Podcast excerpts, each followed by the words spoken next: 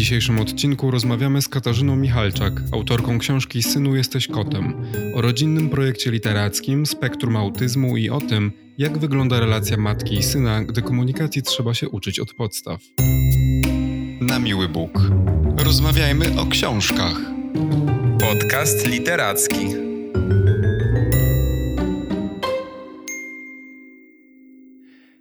Cześć, witajcie w kolejnym odcinku podcastu Na Miły Bóg. Tak jak zapowiedzieliśmy, będziemy rozmawiać dzisiaj z Katarzyną Michalczak, autorką książki Synu jesteś kotem, wydawnictwa Cyranka.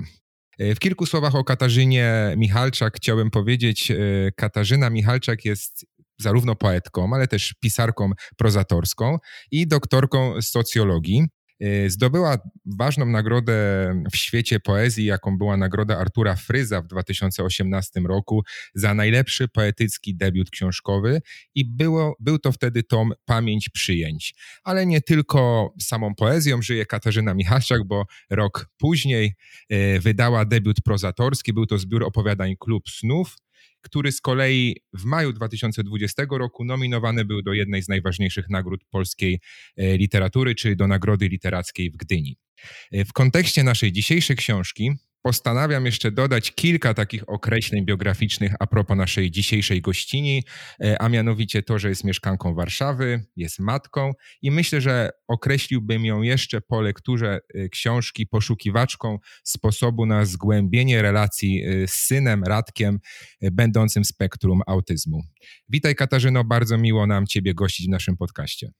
Cześć, bardzo mi miło, że tutaj jestem i witam wszystkich. Dzień dobry. I e, od razu e, sprostowanie się pojawi w mojej wypowiedzi, bo już nie mieszkam w Warszawie. Mieszkam pod Warszawą w Milanówku. Okej, okay, to mamy aktualizację. Maćku, y, za, zamelduj się też tutaj, że jesteś z nami. Dzień dobry, cześć. Bardzo nam miło, Katarzyno, że nas odwiedziłaś. Mnie pierwsze co na, nasuwa się takie pytanie ze względu na nasz profil podcastu, ale też na Twoje dokonania artystyczne. E, jest to pytanie związane mm, z Twoimi poprzednimi poszukiwaniami literackimi, bo tak jak wspomniałem w tej nocy biograficznej, wcześniej był e, tom poezji, były też opowiadania, a teraz zmieniasz trochę tę formę i, i, i stawiasz na historię, taką historię opowiedzianą wprost, e, autobiograficzną, właśnie o tej relacji matki z synem i o relacji, na którym wisi e, widmo mm, autyzmu. Powiedz mi, jaki był główny cel dla ciebie e, w, e, przy pisaniu tej książki, jako dla twórczyni z tak już pokaźnym dorobkiem artystycznym? Bardzo mi miło, że tak oceniasz mój dorobek. Ja mam cały czas niedosyt i mam poczucie, że to dopiero jest jakiś początek mojej twórczości, ten moment. I też z tym się wiąże moja decyzja o napisaniu takiej książki, jaką jest Synu jesteś kotem, bo ja po prostu bardzo lubię próbować nowych rzeczy e, i zwłaszcza w twórczości. To jest też taka książka, która pisała mi się w głowie od wielu lat E, podczas bezsennych nocy e, i w którymś momencie stwierdziłam, że połączę, zrobię takie dwa w jednym, że z jednej strony dam jakieś miejsce wyjścia tym przemyśleniom i odczuciom z bezsennych nocy, a z drugiej strony użyję mojego warsztatu pisania, żeby opowiedzieć tę historię. Jak Kamil wspomniał, że jesteś doktorką socjologii, to od razu mi przyszło na myśl, że może korciło cię podejść do tego tekstu trochę tak bardziej naukowo, na przykład w formie eseju. Czy od początku wiedziałaś, że to będzie właśnie taka forma literacka, jaką wybrałaś?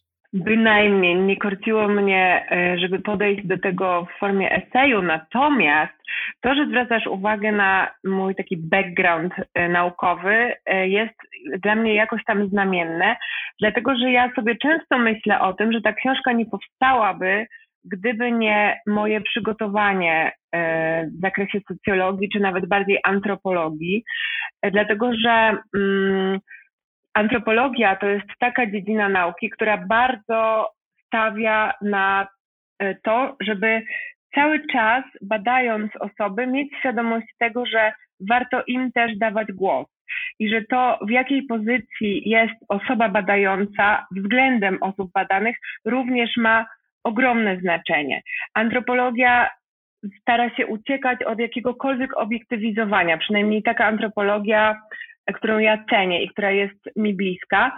I ja w jakiś sposób przesiąknięta tym podejściem, właśnie dlatego też mogłam wpaść na pomysł takiej, a nie innej książki, bo od wielu lat wiedziałam, że to jest bardzo ważne dawać głos tym osobom, o których mówimy. A ponieważ we mnie toczyła się cała opowieść y, o relacji z Radkiem, moim synem, i cały ten monologizowany dialog, dialog bez odpowiedzi, y, no to stwierdziłam, że wciągnę Radka w tę rozmowę i jednocześnie dam mu głos. Tak, tutaj to jest zauważalne, że tej obiektywizacji nie ma i też jest ta elastyczność e, w formie komunikacji przedstawiona i o tym na pewno zaraz będziemy też mówić, bo będziemy mówić ogólnie o autyzmie, który jest e, tematem tej książki i zastanawiam się tak globalnie, jak ten temat autyzmu bliski jest każdemu z nas. Mam tutaj na myśli nas jako część społeczeństwa. Według ciebie, autorki książki właśnie, y, gdzie ten autyzm jest elementem takim ważnym i, i tworzącym tę historię, jak ważne dla każdego z nas powinno być poznanie teorii w tym temacie? A ja wiem.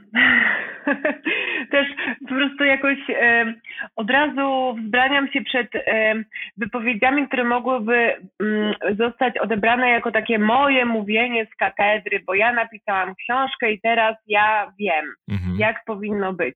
Ja nie wiem, jak powinno być. Ja mogę mówić e, ze swojego punktu. Dla mnie to, że ja się dowiedziałam o istnieniu spektrum autyzmu i o tym, jak ono działa, no to był po prostu jeden z punktów zwrotnych w moim życiu, ale też dlatego, że e, jedna z najbliższych mi osób, e, jak się okazało, jest w spektrum, więc to jest taka mm, rzecz, którą ja niosłam i będę niosła przez całe moje życie.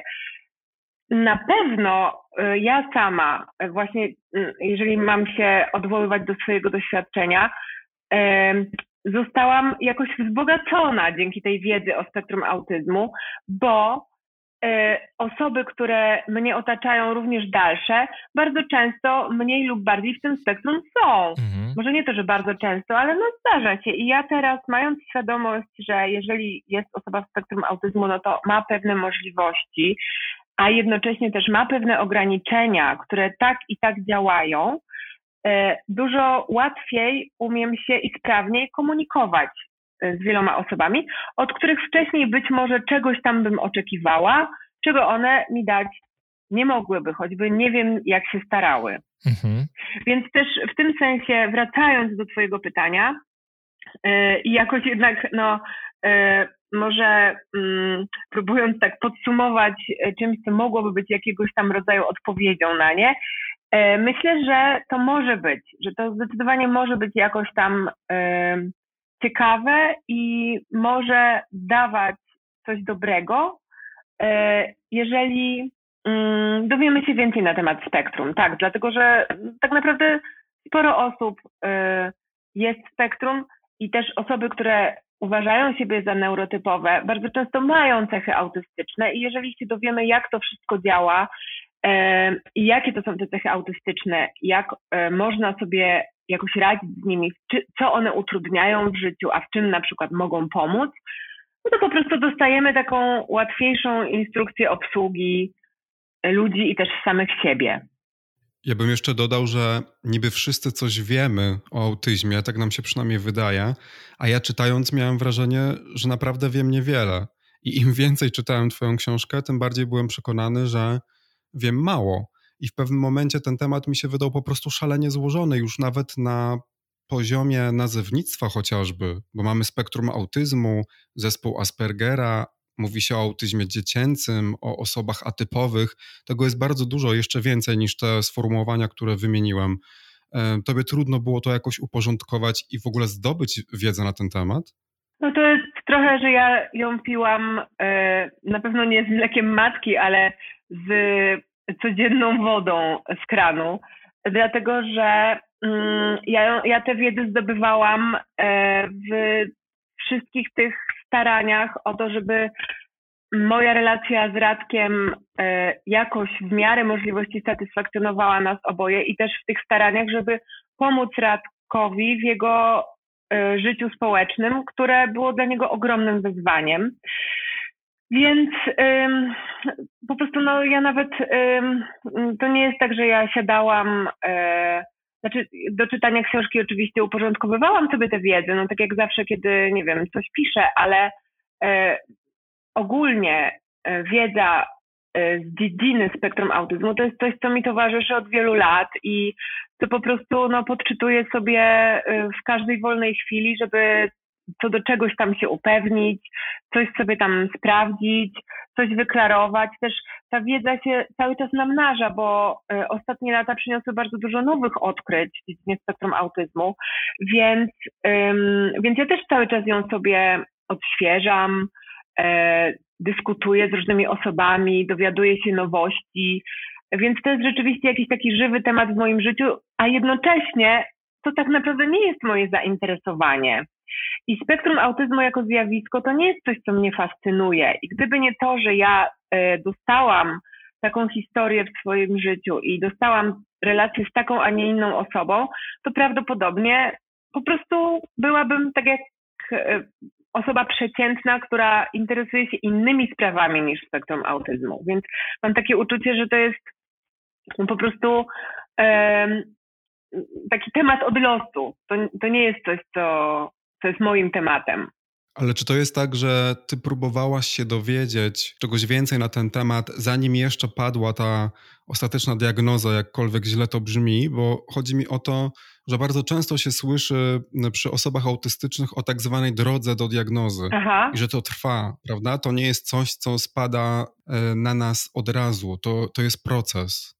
No, u mnie chyba było to troszkę inaczej. To znaczy, droga do diagnozy na pewno miała miejsce, na pewno się odbywała, tylko że bez mojej świadomości.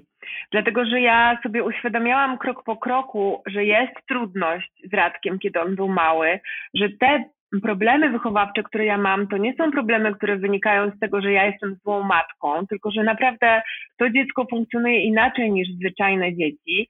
I dochodziłam do tego, do tej świadomości na różne sposoby, też szukając pomocy u rozmaitych psycholożek, które w żaden sposób nie nakierowywały mnie na tą myśl, że to może być wówczas nazywany zespół Aspergera, dlatego że teraz mówimy o spektrum autyzmu, ale jeszcze parę lat temu to była inna jednostka, e, która też była, to było trochę inaczej opisane. W każdym razie jeszcze kilka lat temu e, posługiwano się mm, określeniem zespół Aspergera wobec e, osób i też w tym dzieci z pewnymi określonymi objawami, o których mogę też za chwilę powiedzieć, czy cechami. No w każdym razie u mnie właśnie była droga, tylko że ja nie wiedziałam, że to jest droga do diagnozy, Bardziej widziałam to jako drogę do dowiedzenia się, o co chodzi z Radkiem. I był tylko jeden moment, który był naprawdę takim momentem, w którym mnie olśniło, kiedy e, osoby, które zajmowały się Radkiem w szkole demokratycznej, do której on chodził, odmówiły nam dalszej współpracy, mówiąc do mnie pamiętne zdanie, że Radek zachowuje się jak dzieci z zespołem Aspergera. I ja wtedy, to było dla mnie, to nawet, to było dla mnie uderzenie, ale nie w takim sensie, że cios. To było dla mnie uderzenie jakiejś wielkiej nadziei, dlatego że ja nagle usłyszałam jakiekolwiek określenie, które mogłam sprawdzić i zobaczyć, co to jest i czy czasem aby nie jest tak, że moje dziecko się jakoś tam w to wpisuje, więc ja mogę szukać pomocy w tym kierunku. I wtedy dopiero zaczęłam się dowiadywać czym jest zespół Aspergera, jak to się objawia i też jak się pomaga dzieciom, które mają zespół Aspergera, tak wówczas nazywany. No i po prostu to był strzał w dziesiątkę, bo wszystko, co czytałam na temat dzieci z wówczas nazywanym zespołem Aspergera, to było o Radku, o moim synu. I ja wtedy potrzebowałam w tym momencie, w którym się dowiedziałam i w którym właśnie doznałam tego olśnienia, dzięki temu, że ktoś mi podsunął e, taką mm, myśl o tym, że to mogłaby być taka diagnoza, to był ten moment, w którym ja sama dla siebie tej diagnozy nie potrzebowałam, bo ja już tak jakby zobaczyłam, że to jest ta trudność i dostałam też dzięki dosyć szerokiemu poradnictwu, czy w internecie, czy w książkach, dostałam też szereg sposobów na to, jak sobie radzić z radkiem. Natychmiast zaczęłam je zaprowadzać. Część z nich też już zauważyłam, że stosowałam intuicyjnie, więc mi ta diagnoza nie była potrzebna, mm, bo ja już miałam te sposoby i wystarczyło mi tylko je stosować, natomiast była ona potrzebna światu, żebym ja ze światem mogła rozmawiać o moim dziecku. Dlatego, że do momentu diagnozy ja nie wiedziałam, co się dzieje i na czym polega ten problem z Radkiem. On był bardzo inteligentny, bardzo kontaktowy, a jednocześnie w którymś momencie wszystko się odwracało w drugą stronę i zaczynał mieć y, jak tylko wchodził w jakąś trochę bliższą relację z jakąś osobą czy instytucją, no to mm, okazywało się, że ma bardzo y, słabe y, osiągnięcia jak na to, jak się zapowiadało, y, ledwo zdawał z klasy do klasy, było mu trudno się komunikować z osobami, które czegoś od niego oczekiwały i tak dalej, i tak dalej, więc było dużo różnych trudności. I ja dopiero mając tą etykietkę najpierw podejrzenie zespołu Aspergera, a potem dosyć szybko diagnoza zespołu Aspergera. Mm, przypominam, mm, że to jest dawna nazwa. Po prostu mogłam wychodzić do tych y, osób z różnych placówek i one mm, mniej lub bardziej wiedziały o co chodzi, a przynajmniej wiedziały, że o coś chodzi. Bo do momentu, kiedy, y, kiedy ja nie miałam tej, tej flagi z diagnozą, czy przypuszczeniem diagnozy, to dosyć często mi się zdarzało, że byłam traktowana jak taka szalona matka, która czegoś nie dopatrzyła, nie wiadomo o co jej chodzi. Dziecko w sumie jest zupełnie y, bez żadnych trudności, tylko tyle, że ona nie potrafi mu stawiać granic i tak dalej, i tak dalej. Może postrzegano cię jako matkę, która mówi: Moje dziecko po prostu takie jest, bo to, co zafascynowało mnie w Twojej książce, to była ta różnica o której piszesz, między spektrum a osobowością, że na ile my możemy powiedzieć, że ktoś jest w spektrum, a na ile, że po prostu ma taką osobowość, tak to piszesz, osobowość właśnie kota, który raz chce się tulić, a innym razem nas ignoruje. No właśnie, na ile? Tak, to jest dla mnie też i do tej pory fascynujące i ja nie znam odpowiedzi na to pytanie, a kiedy pytam o to Radka, czasami właśnie, czy to w żartach, czy w jakiejś takiej irytacji, że Radek, powiedz mi, jak ty, nie wiem, nie odpowiadasz mi na pytanie, to czy to jest, to jest dlatego, że ty jesteś w spektrum, nie odpowiadasz mi po raz trzeci na pytanie, czy to po prostu jest twoja osobowość, że ty olewasz moje pytanie. No i on wtedy rozkłada ręce i mówi, no mamo, i to, i to. I, i wiesz, mamo, mnie właściwie nie interesuje już w tym momencie jakieś szukanie odpowiedzi na to pytanie. Gdzie, gdzie, gdzie się kończy to, że ja mam po prostu coś się stało takiego z moim mózgiem na, w momencie, na etapie tworzenia się jego i jego połączeń, że funkcjonuje inaczej niż mózg większości osób. I, I czy to, że coś się stało, jest przyczyną na przykład tego, że nie wiem, ja mam jakąś trudność, yy, na przykład w komunikacji, w kontaktach z ludźmi, czy na przykład przyczyną tego jest to, że po prostu pewne rzeczy dla mnie, jako dla człowieka nie są ważne, że ja mam taki, a nie inny system wartości, bo to wynika z mojej osobowości, która to i to. Na przykład po prostu lubię się skupiać na sobie i na swoich potrzebach, tak długo jak nie ma konieczności skupić się na potrzebach kogoś innego. No i okej, okay, no i po prostu to też dla mnie świadczy o jakiejś takiej, takim zaakceptowaniu przez Radka yy, właśnie tego, jaki jest i jakoś tam kim jest. I ja też się staram to robić względem niego. Mhm. Ja może dla przykładu podam jeszcze jedno zdanie z y, Twojej książki, które świadczy o tym, jak ta granica między osobowością a spektrum, jak, jak bardzo jest zwodnicza. Y, badania wskazują, że istnieje ogromny rozdźwięk pomiędzy tym, jak satysfakcjonujące są dla osób ze spektrum doświadczenia zgodne z zainteresowaniami, a tym, jak nużące są doświadczenia z innych dziedzin.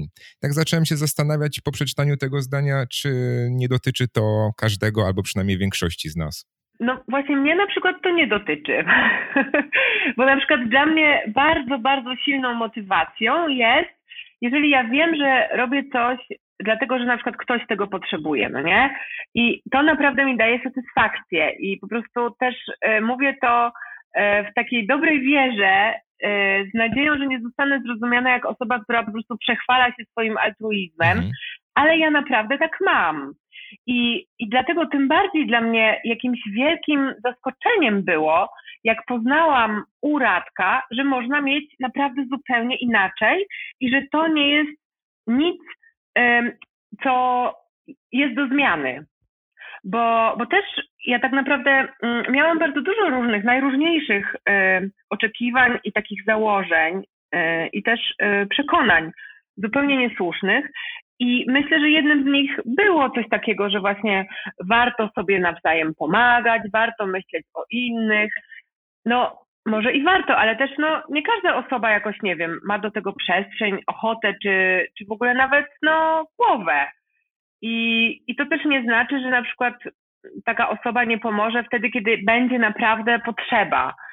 E, bo jest też taki słynny żart krążący wśród e, rodziców dzieci ze spektrum, że może i twoje dziecko nie poda ci tej szklanki wody, jak będziesz przeziębiona, czy nie sprzątnie po tobie butów, jak, nie wiem, zaśniesz do zmęczenia na kanapie, ale wiedz to na 100%, że jeżeli będzie się palić, to twoje dziecko będzie pierwszym człowiekiem, który rzuci się w płomienie, żeby ciebie ocalić.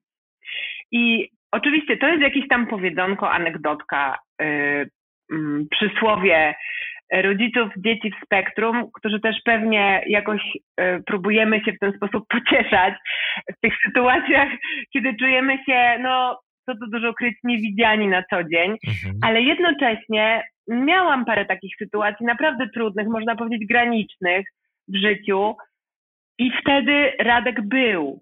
I wtedy on nagle spadała ta zasłona z jego oczu pod tytułem Mamo, jestem zajęty, mamo, nie zawracaj mi głowy.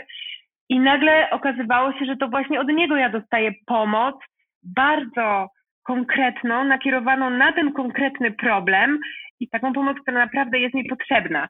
I, mm, i, to, to też, też jest opisywane jako cecha właśnie osób w spektrum, że mm, kiedy widzą, że jest rzeczywiście potrzeba, po prostu absolutnie, absolutna i niepodważalna, to robią coś, co jest potrzebne do zrobienia. Ale to znowu jest coś takiego, co obserwuje się u wielu osób. Przecież bardzo często zdarza się tak, że e, nie możemy na przykład liczyć na takie drobne akty troski, tak to nazwijmy, chociaż wszyscy byśmy chcieli, żeby na przykład nasi partnerzy, partnerki otaczali nas właśnie tymi takimi drobnymi gestami troski, ale przecież summa summarum chodzi o to, żeby ktoś nam pomógł i podał rękę, czy tą przysłowiową szklankę wody, wtedy, kiedy naprawdę będziemy potrzebować e, takiej pomocy. To jest to, o czym ty mówisz. Czy przecież jest takie e, no, znane powiedzenie, prawda, że przyjaciół poznaje się w biedzie, bo to nie musi być koniecznie partner, może być e, przyjaciel, przyjaciółka. Chodzi przecież w gruncie rzeczy w życiu o to, aby te osoby były obok nas wtedy, kiedy naprawdę ich potrzebujemy.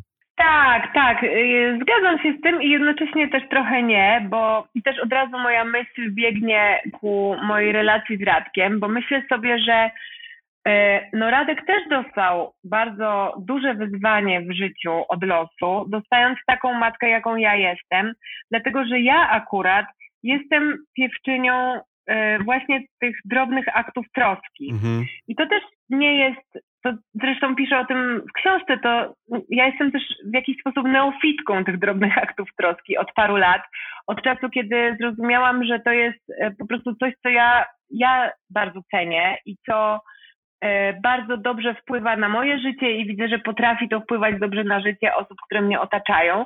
Więc Radkowi dostała się taka matka, która mm, wyznaje te drobne akty troski, no a on ich nie wyznaje i dlatego po prostu um, on jakoś um, miał za zadanie się zmierzyć z tym, że ja tego w jakiś sposób od niego oczekiwałam. Oczekiwałam, że to on w sobie wykształci.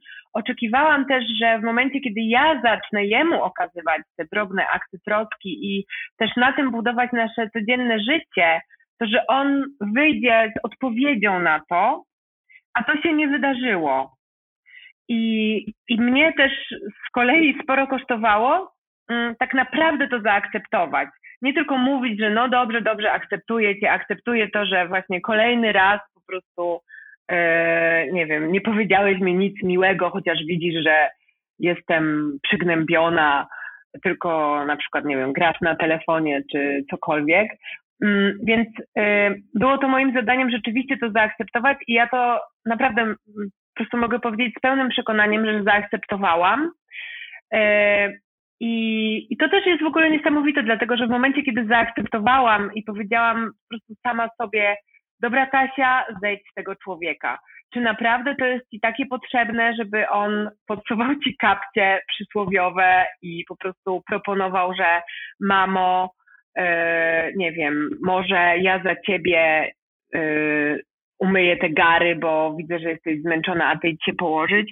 No nie, nie jest ci to tak potrzebne, bo jeżeli to będzie, nie wiem, sztuczne, wymuszone i nie będzie wypływać z niego, nawet jeżeli się wydarzy, to to nie będzie prawdziwa więź pomiędzy nami. I starałam się, zaczęłam się starać szukać takich dróg do tworzenia naszej więzi, które będą jemu też odpowiadać. I to brzmi właśnie jak opowiadanie o jakiejś takiej czarodziejskim zdarzeniu, bo ja też trochę myślę o tym jako o takim czarodziejskim zdarzeniu, chociaż to była praca radka, dlatego że w momencie, kiedy ja odpuściłam i naprawdę poczułam, że to akceptuję i on to poczuł, to on zaczął wychodzić do mnie właśnie z tymi aktami drobnej troski na swoją miarę. I to jest właśnie tak, jak zresztą piszę o tym w książce. To jest po prostu to, że on mnie zapyta, mamo, jak ci minął dzień?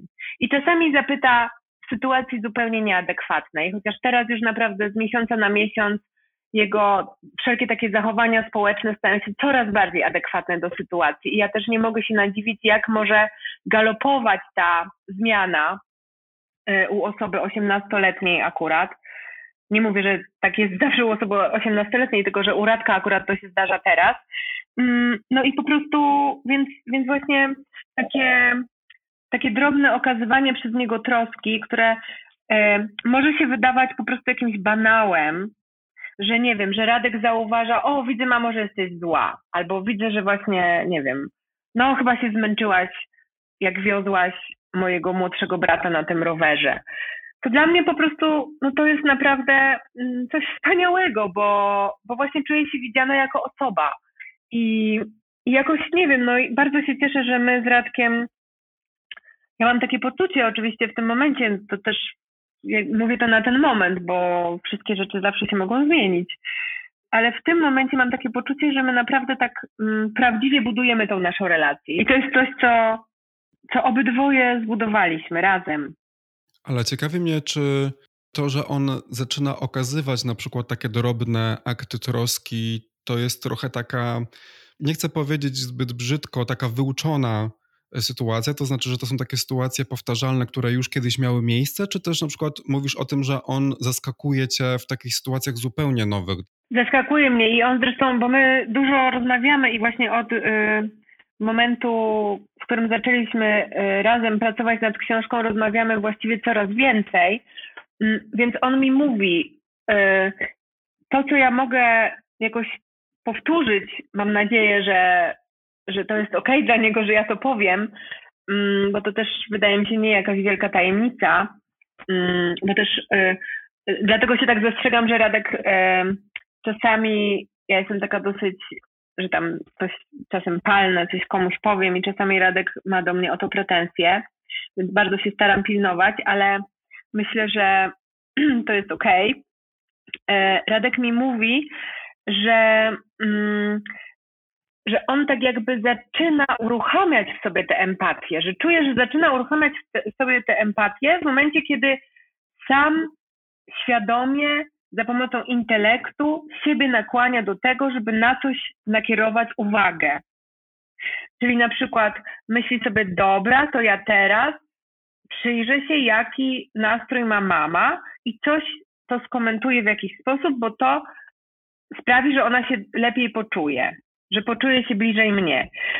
I on sobie to przepowiada, on siebie do tego nakłania świadomie, a potem zaczyna sam wchodzić w ten obszar empatii, dlatego że on samo empatyzowanie ma mm, bardzo głębokie i szerokie, tylko że on potrzebuje tak jakby włączyć odpowiedni guzik do empatyzowania. Po prostu u niego empatyzowanie czy, czy, czy empatia to nie jest coś takiego jak u osób neurotypowych, że to się dzieje cały czas, że po prostu my e, działamy, coś tam robimy, zajmujemy się czymś innym, a jednocześnie obserwujemy gdzieś na jakimś kanale reakcje wszystkich osób dookoła, które nas otaczają, jak one się ustosunkowują do nas, co się zmienia, co jest stałego, w jakich relacjach są nawzajem do siebie. To u Radka nie działa, dopóki on sobie tego nie włączy. Natomiast jak on sobie to już włączy, to on ma nieraz takie przemyślenia na temat e, relacji międzyludzkich, stosunków, interakcji, że mi opada szczena, bo ja w jego wieku w życiu nie byłam tak świadoma takich społecznych zależności, jak on jest. Czy właśnie dlatego go zaprosiłaś do książki? Bo trochę już powiedzieliśmy gdzieś tam między wierszami, że Radek pojawia się w Twojej książce, no też jako właśnie głos, bo czytamy o autyzmie widzianym z Twojej strony, ale obecność Radka w tej książce wydaje mi się niezwykle wyjątkowa. On komentuje Twoje przemyślenia. E, I właściwie tu mam takie dwa pytania E, dlaczego zdecydowałaś się na zaproszenie Radka do książki? Teraz może już trochę wiem, że skoro chwalisz się, że jesteś altruistką, to może też chciałaś się podzielić głosem w książce. Właśnie tego chciałam, właśnie tego chciałam uniknąć. Podsumowania, że chwalę się. Nie, ale słuchaj, ja to, ale ja to absolutnie pozytywnie oceniam. I drugie pytanie właściwie bardziej takie formalne. Jak wyglądała wasza współpraca przy tym tekście? E, dobra, to zapamiętam sobie drugie pytanie, a pierwsze pytanie było dlaczego? No nie widziałam innego wyjścia.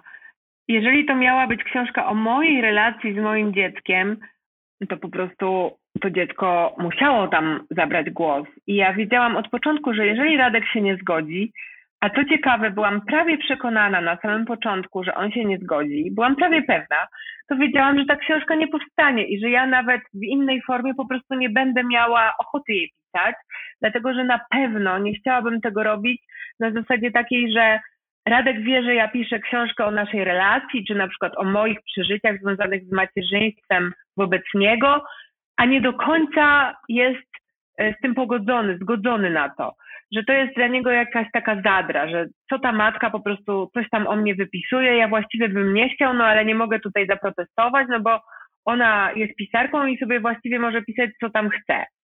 Więc to było dla mnie naprawdę bezwzględnym warunkiem, że Radek weźmie udział w tej książce. Natomiast byłam prawie pewna, że on odmówi. No i tym bardziej mnie to zaskoczyło, że on nie dość, że się zgodził, to jeszcze naprawdę chciał. I mimo, że potem ten proces był um, właściwie ta, ten element motywacji Radka to był najtrudniejszy element e, pisania tej książki, no to jednak on cały czas chciał. Tyle tylko, że męczyło go y, branie udziału w pisaniu i y, teraz przejdę do odpowiedzi na drugie z tych pytań. y, to było tak, że ja pisałam fragmenty, które były ode mnie a następnie z Radkiem umawialiśmy się na takie spotkania. Wiadomo, no, mieszkamy razem, więc to były spotkania w domu, ale każdy z nas jakoś potrzebowało znaleźć czas, oczywiście.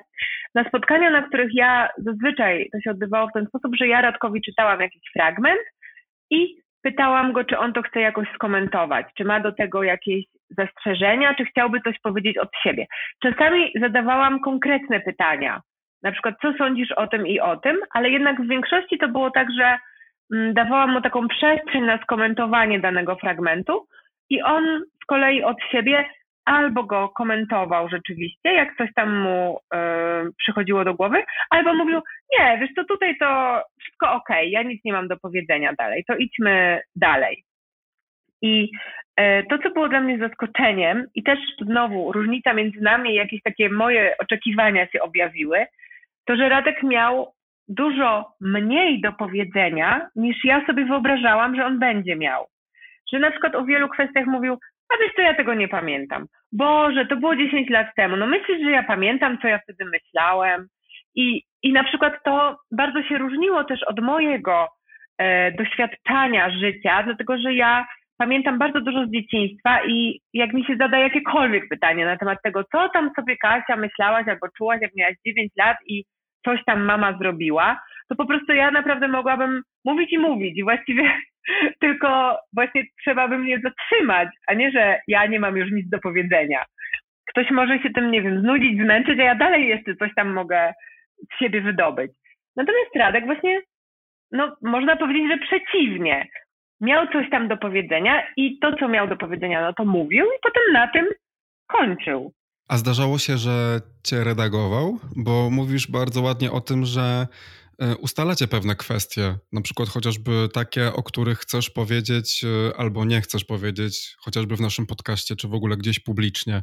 Zdarzało się tak, że Radek ci mówił, że nie chce, żebyś e, napisała konkretny tekst w książce, konkretny fragment?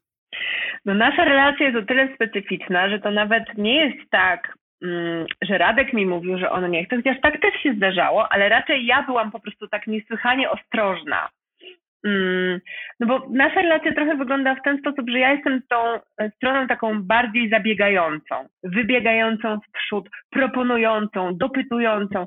No więc tak też było w przypadku pisania tej książki. Ja nawet nie to, że Radek mówił o tym nie pisz, tylko ja po prostu cała napięta, czy on się zgodzi, czy nie, pytałam, a mogę o tym napisać? A mogę o tym napisać? A co sądzisz, jakbym napisała o tym? No i on po prostu wyrażał swoje zdanie na ten temat. Były takie sytuacje, że ja na przykład beztrosko sobie o czymś napisałam, e, przeczytałam to Radkowi, a on mówi, nie no mamo, o tym nie pisz. Ja nie chcę, to jest moja intymna sprawa. I ja na przykład byłam e, zaskoczona, dlatego że dla mnie taka akurat rzecz, taka sprawa nie byłaby intymna. I ja na przykład taką rzeczą mogłabym się podzielić yy, publicznie, a Radek nie. A natomiast z kolei on bardzo dużo tak naprawdę powiedział o sobie w książce i ja go pytałam, nawet, nawet w tekście książki jest w którymś momencie, czy nie przeszkadza ci to, że to jest swego rodzaju wiwisekcja ciebie. I on odpowiedział mi na to, że nie, wiwisekcja mu nie przeszkadza, przeszkadza mu, kiedy ja rozmijam się z faktami. I to były takie trzy rzeczy, o których no nie mogę powiedzieć, właśnie dlatego, że Radek je zastopował. E, były takie trzy rzeczy w książce, kiedy on czytał już całość, jak ja już skomponowałam całość i on miał za zadanie wszystko zatwierdzić, kiedy on mi po prostu wysłał screeny ze strony na Messengerze i powiedział to, to i to chcę, żebyś zmieniła. I to była to bardzo konkretna sprawa. Usiedliśmy potem i ja z nim uzgodniłam, na jaką formę e, zdania on chce, żebym zmieniła te trzy fragmenty. E, no i tam parę razy jeszcze go dopytałam, czy na pewno się na to zgadza. E, a potem, no i to było właściwie wszystko z takich wet, które Radek postawił. Natomiast jeszcze wracając do procesu pisania, no to to było trudne od pewnego momentu, żeby go jakoś złapać w biegu, żeby ze mną dalej rozmawiał, bo on już po prostu w którymś momencie się zmęczył e, tym projektem. I jak rozmawiałam z nim i się go pytałam, no Radek, no to co robimy? No to on mówił, nie, no dobra, ja chcę w tym brać udział, tylko jestem naprawdę już zmęczony, wyczerpany i jestem sam zaskoczony tym, że tak dużo powiedziałem różnych rzeczy, które, mm, których wydobycie z zakamarków mojego umysłu jakoś mnie sporo kosztowało. Mm, więc no to była też taka trud, jakiś trudny element tego procesu pisania. No ale w końcu doszliśmy do końca. Radek też był zaskoczony bardzo, że tak mm, długo, tak, tak wiele poprawek i wciąż nowych kolejnych zmian wymaga e, cały ten proces pisania książki. I potem jak on już chyba myślał, że już skończona jest książka, a potem jeszcze przyszła redakcja i w redakcji, na etapie redakcji ja też się z nim konsultowałam, bo każde zdanie, które wydawało mi się, że jest mm, jakieś może być kontrowersyjne dla niego y, ta zmiana, chociaż to były tylko zmiany jakoś tam stylistyczne, czy, y, czy szyku zdania, czy coś w tym stylu, to, to, to mu wysyłałam i się pytałam, czy może być takie zdanie. E, I on, e, no widziałam, że jest taki zaskoczony, że no nie spodziewał się, że to jest tyle pracy. E, no ale wziął w tym udział do końca i w końcu naprawdę obydwoje mieliśmy poczucie, że to jest klepnięte i ja miałam takie poczucie, że przynajmniej w tym momencie, w którym jestem, Radek będzie względnie zadowolony z tej sytuacji, a co nas czeka w przyszłości i jak on będzie oceniał cały ten projekt, książkę i, i właśnie naszą relację w, w kontekście tej książki, no to na to już nie mam wpływu. Myślę, że przy tej okazji trzeba też powiedzieć, że w książce pojawia się taki osobny, niezależny rozdział, który jest prowadzony wyłącznie przez Radka, więc nie jest tylko tak, że on komentuje to, co ty mówisz, e, tylko jest właśnie ta część, e, w której e, prowadzi swoją opowieść i tam mówi o zainteresowaniu grami komputerowymi, które dają mu poczucie stabilności, też o szkole, która mu tę stabilność wiele razy zabierała, ale też właśnie o tej przeszłości, o której mówisz i która jest taka niepewna. I zastanawiam się, bo powiedziałaś już mniej więcej, jak czułaś się czytając te słowa syna, ale mm, dopytam jeszcze, czy w takim projekcie literackim właśnie spotkało cię jakieś zaskoczenie w tych słowach syna? Czy one się różniły od tego, co mówił ci w rozmowach e, na co dzień? I czy właśnie ten projekt literacki pozwolił na wydobycie jakichś bardziej złożonych e, przemyśleń? To najpierw się odniosę do kwestii tego rozdziału istniejącego mhm. w książce, który jest rozdziałem wyłącznie od Radka. E, to było zaskoczenie na takim mm, etapie warsztatowym dla mnie, dlatego że ja się spodziewałam i właśnie założyłam, że będzie dużo więcej tych komentarzy Radka do moich fragmentów i że książka będzie w większym stopniu taka zrównoważona, jeśli chodzi o materiał ode mnie, ilość materiału ode mnie i ilość materiału od niego, że on się po prostu właśnie będzie bardziej tak obficie odnosił e, do moich wypowiedzi. I to znowu było moje założenie jakże niesłuszne, dlatego że te e, fragmenty, które, ten, ten rozdział składający się z takich fragmentów e, wypowiedzi na różne tematy, które dotyczą Radka, one powstały, pojawiły się podczas naszych rozmów do książki, kiedy okazało się, że tak naprawdę Radka w jakiś sposób interesują trochę inne sprawy, niż ja poruszam w książce. Że na przykład tam w książce jest taki rozdział, kiedy ja właśnie można powiedzieć, no, rozliczam się, czy omawiam swoje macierzyństwo i po prostu flaki sobie wypruwam, opowiadam o tym, jak ja to przeżywałam i oczywiście właśnie skupiona na sobie spodziewałam się, że Radek będzie jakoś to komentował, przeżywał, o mamo, no tak, tutaj, tak to było, a ja to pamiętam tak, a kiedy ty miałaś coś, to ja miałem wtedy coś innego. A on właściwie kwitował to, no rzeczywiście, namęczyłaś się ze mną, ale ja nie pamiętam, to już było tak dawno, ja już nie pamiętam, co ja czułem. No było mi ciężko w szkole.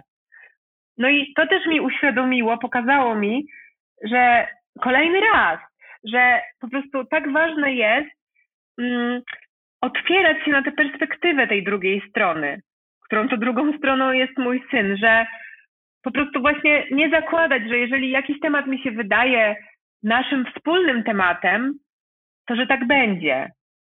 No bo okazało się, że nie jest. Nawet temat naszego po prostu życia w jego wczesnym dzieciństwie wspólnego, okazało się, że on tego w ten sposób, tak intensywny sposób nie, przeży nie przeżywa jak ja. No i może sobie nie przeżywać. On przeżywa coś innego i intensywnie.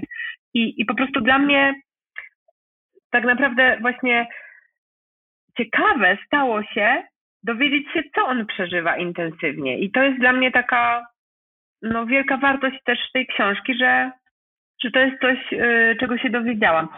Ja jestem naprawdę pod ogromnym wrażeniem tego, co ta książka zrobiła dla naszej relacji i tak jak ja y, bardzo E, wyznaję takie przekonanie, że literatura rozmawia z życiem, a życie z literaturą, to po prostu mam to e, namacalnie w swoim doświadczeniu e, jako autorka, dlatego że mm, ta książka no, z mojego punktu widzenia niesamowicie wpłynęła na moją relację z Radkiem. Myśmy się dowiedzieli o sobie takich rzeczy, których być może byśmy się nigdy nie dowiedzieli nawzajem o sobie, gdyby nie ona. I to nawet do tej pory mówi mi Radek. My mamy dzięki tej książce dużo więcej jakiejś takiej wyrozumiałości dla siebie i ciepła. I jest między nami, mm, jest, pozostało między nami to wspólne przeżycie tego tworzenia tej książki i takiego właśnie wychodzenia do siebie, ekstremalnego wychodzenia do siebie nawzajem, no bo jednak siedzenie naprzeciwko siebie i po prostu jedna osoba gada, a druga notuje, jedna osoba słucha, a druga czyta to, co napisała, no to jest naprawdę, jak dla mnie, właśnie ekstremalna rozmowa. Mhm, to też fantastycznie, że taki cel udało się dzięki książce spełnić, mimo że jakby wprost o nim też nie powiedziałaś, kiedy pytałem na początku o cel dla jakiego pisałaś tę książkę.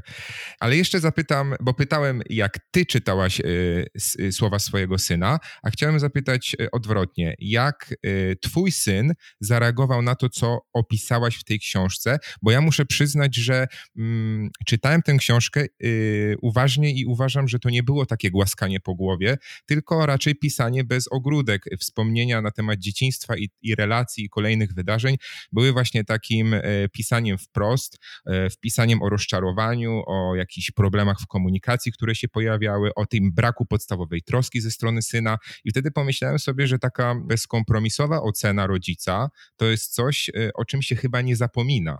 I myślę sobie, że nie byłoby ciężko czytać e, takie słowa mojego rodzica na mój temat. E, oczywiście to ma swój edukacyjny charakter, ale czy Radek dał ci odpowiedź na, na, na ten temat? No, ja się też bardzo bałam tego, jak Radek zareaguje na te fragmenty, w których ja szczerze piszę e, o rozczarowaniu, na przykład naszą relacją. Bałam się tego bardzo i zaskoczyło mnie, że on właściwie jakoś tam wydawało mi się, że, mm, że poruszyło go to, ale jego właściwie pierwszym odruchem, który ja przynajmniej widziałam, to było no mamo, ja już nic z tym nie mogę zrobić. I rzeczywiście, teraz, jak to czytam, to widzę, że było ci bardzo trudno, ale ja wtedy w ogóle tego nie widziałem i to w ogóle nie było dla mnie ważne. I ja teraz nic z tym nie zrobię. I to, co mogę robić, no to wpływać na swoje zachowanie teraz, kiedy mam tą świadomość, że pewne rzeczy są dla ciebie ważne. I no, mnie to no naprawdę po prostu sprawiło, że mi y, dosyć opadła szczęka, bo wydaje mi się to tak dojrzałą konstatacją mm, i tak e, właśnie dojrzałą i taką nastawioną na to, żeby budować, a nie rozdrapywać rany, że byłam i jestem do tej pory pełna podziwu. No i bo, bo też mogę sobie cały czas zadawać pytanie, że czy nie jest tak, że Radek przede mną coś ukrywa? Czy nie jest tak czasem, że on nie powiedział mi wszystkiego? No, zawsze może się tak okazać, zawsze, w każdej sytuacji, ale jego postępowanie i właśnie to, jak toczy się nasza relacja dalej, no nie wskazują na to, żeby mm, była jakaś taka, jakiś resentyment w nim się gromadził. Ja myślę, że jest taka rzecz, którą Radek przed tobą ukrywa, to, że jest robotem. To jest fragment, który mnie bardzo ujął. To może powiemy tym wszystkim, którzy nie czytali jeszcze książki i zdradzimy. E, w pewnym momencie Radek mówi, że jest robotem, a za chwilę prosi cię, abyś tego nie zapisywała. I ja wtedy jako czytelnik odetchnąłem, no, przez chwilę przynajmniej, bo pomyślałem, że Radek się zreflektował, nie? że mamo, nie pisz tego, bo to zabrzmi głupio, po czym on dodaje po chwili, abyś tego nie zapisywała, bo on nie chce, żeby to się wydało, że tym robotem jest. I pomyślałam sobie wtedy, jaka to jest wspaniała definicja właśnie życia z kimś, kto jest e, w spektrum autyzmu, bo już ci się wydaje, że macie nić porozumienia, prawda? Że udało ci się do niego dotrzeć, że w jakimś sensie możesz odetchnąć, po czym się okazuje, że jest zupełnie odwrotnie. Tak, tak. To jest bardzo moje doświadczenie mojego życia z moim synem najstarszym. I i, no i tak, no i to doświadczenie też się przekłada w ogóle na inne dziedziny życia, ale to jest no po prostu piękna lekcja, bo dzięki temu y, mogłam nauczyć się właśnie nie zakładać. No właśnie, i wydaje się, że Twoja historia jest historią bardzo mocno osadzoną w tym kontekście autyzmu, ale ona ma taki bardzo uniwersalny też chyba wydźwięk, y, Taka, jest to taka historia, która mogłaby w zasadzie przynieść pożytek y, każdemu rodzico, rodzicowi, który przeczytałby tę książkę i który żyje jakimiś ideami a propos swojego syna czy swojej córki. To jest taka książka o tolerancji, wydaje mi się, innych zachowań właśnie, trochę o uelastycznieniu swoich oczekiwań, swoich wizji a propos dzieci.